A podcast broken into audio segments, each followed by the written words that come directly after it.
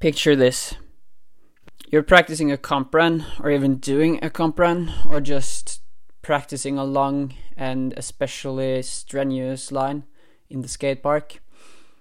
You're just dropping in and starting the line, but you start obsessing over the last trick, and the last trick is the hardest trick. It's the one that you get most nervous about, and the one you have the most struggle with landing, and the scariest one. Is the fixating and nervous obsessing over this trick gonna solve anything? First of all, it isn't. And second of all, if you start fixating on this in the start of the line, then you're gonna get distracted. And that's gonna make the easier tricks that you're gonna do in the beginning even harder.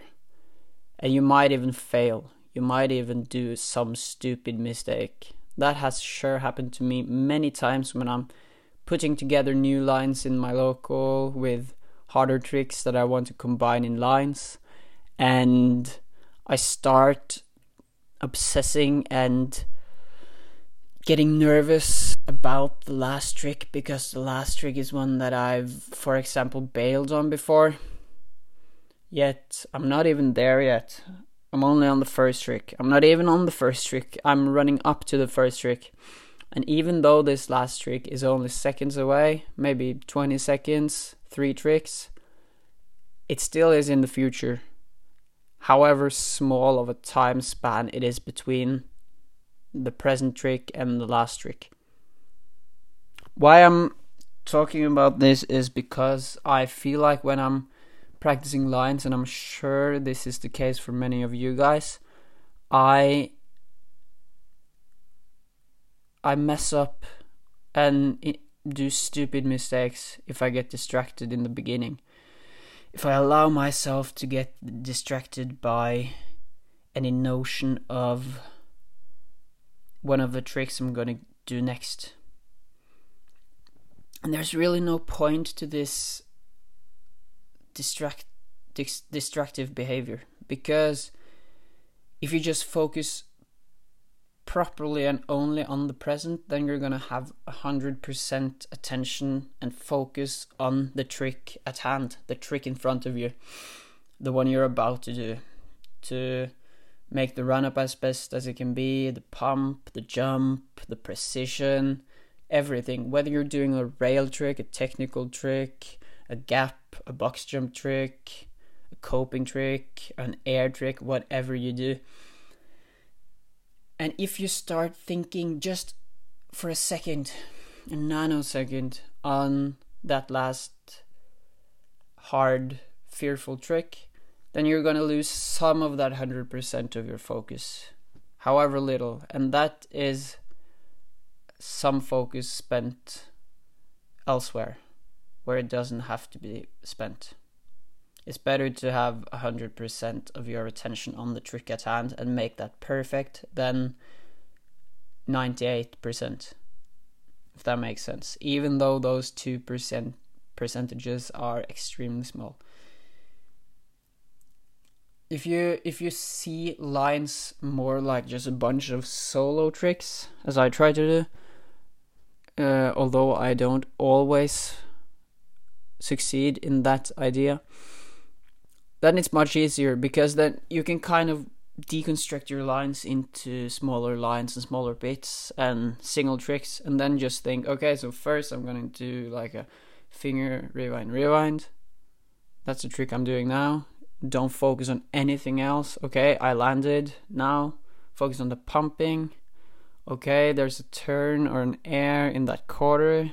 I'm gonna focus on that. Then I'm gonna do some sort of bri flip combo over there. Only gonna focus on that. You see where I'm going with this.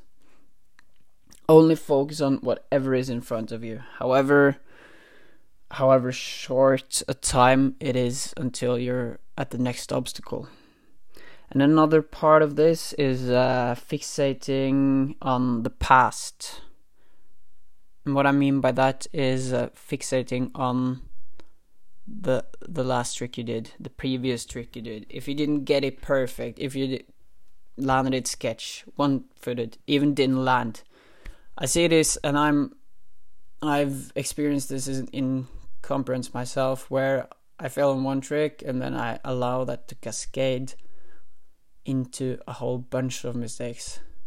One small mistake make make you less focused and it starts it starts making you think that it's not worth it because you failed the first trick and you're not going to be able to get, do good by landing the rest and therefore you get less attention and you get distracted and you make more mistakes.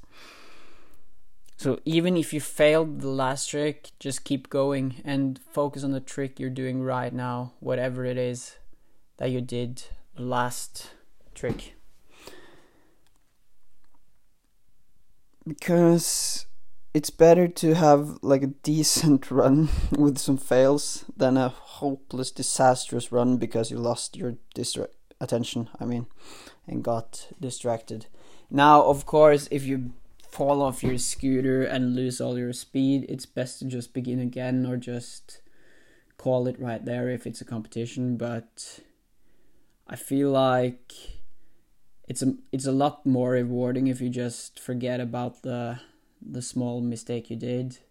If you landed in a power slide on a trick, you usually land perfect and just keep going and get the best of it because if you're gonna fixate on getting everything perfect to the slightest detail, you're gonna keep going forever, forever, and forever. I am very much a perfectionist when it comes to putting together lines. Like, when I get the whole line, some easy trick ended up being sketched out, or I lost speed in the middle, or whatever, when I know that I can do it better, or I did it perfect and then I'm gonna film it and I sketch out on several tricks. It's so annoying. But if you keep fixating on getting it perfect every time, and there's a time and place for that too, then you're never going to st- stop or you're never going to get finished rather. And uh, for that i want to say done is better than perfect. Because if you just get it done then you're to you're to get it better next time. And that's that's been the case for me when i'm say i put together a new line with some difficult tricks and i get it after some attempts in practice like the first part of my session and then like 30 minutes later I'm I'll ask someone to film it for me and then when I'm filming it I suddenly struggle like a lot and when I finally get it it is sketchy or someone runs in my way or whatever and sometimes then it's just better to call it with a mediocre result than struggle onwards for a perfect result. Because perfect never comes in my experience at least. You might disagree and that's okay but i think the best way to get it perfect is just practice it a lot and get consistent at it and do it every time you ride so maybe your first time landing it wasn't perfect but you can always just practice it more even if it's not today that's today's episode. I hope you found this useful. Focus on the task at hand, the trick at hand, and nothing else.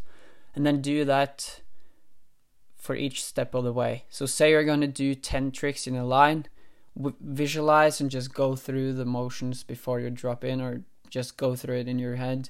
And then just focus solely on the trick currently at hand.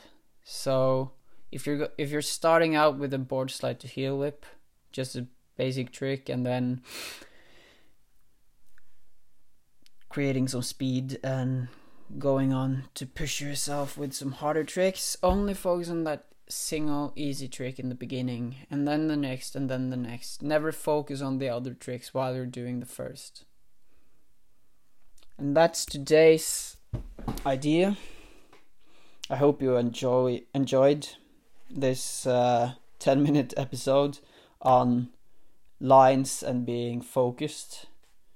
And if you enjoyed it, share it with a friend or share it on your story or give it a five star or whatever star review if you feel like it. And um, I'll be back in the next episode.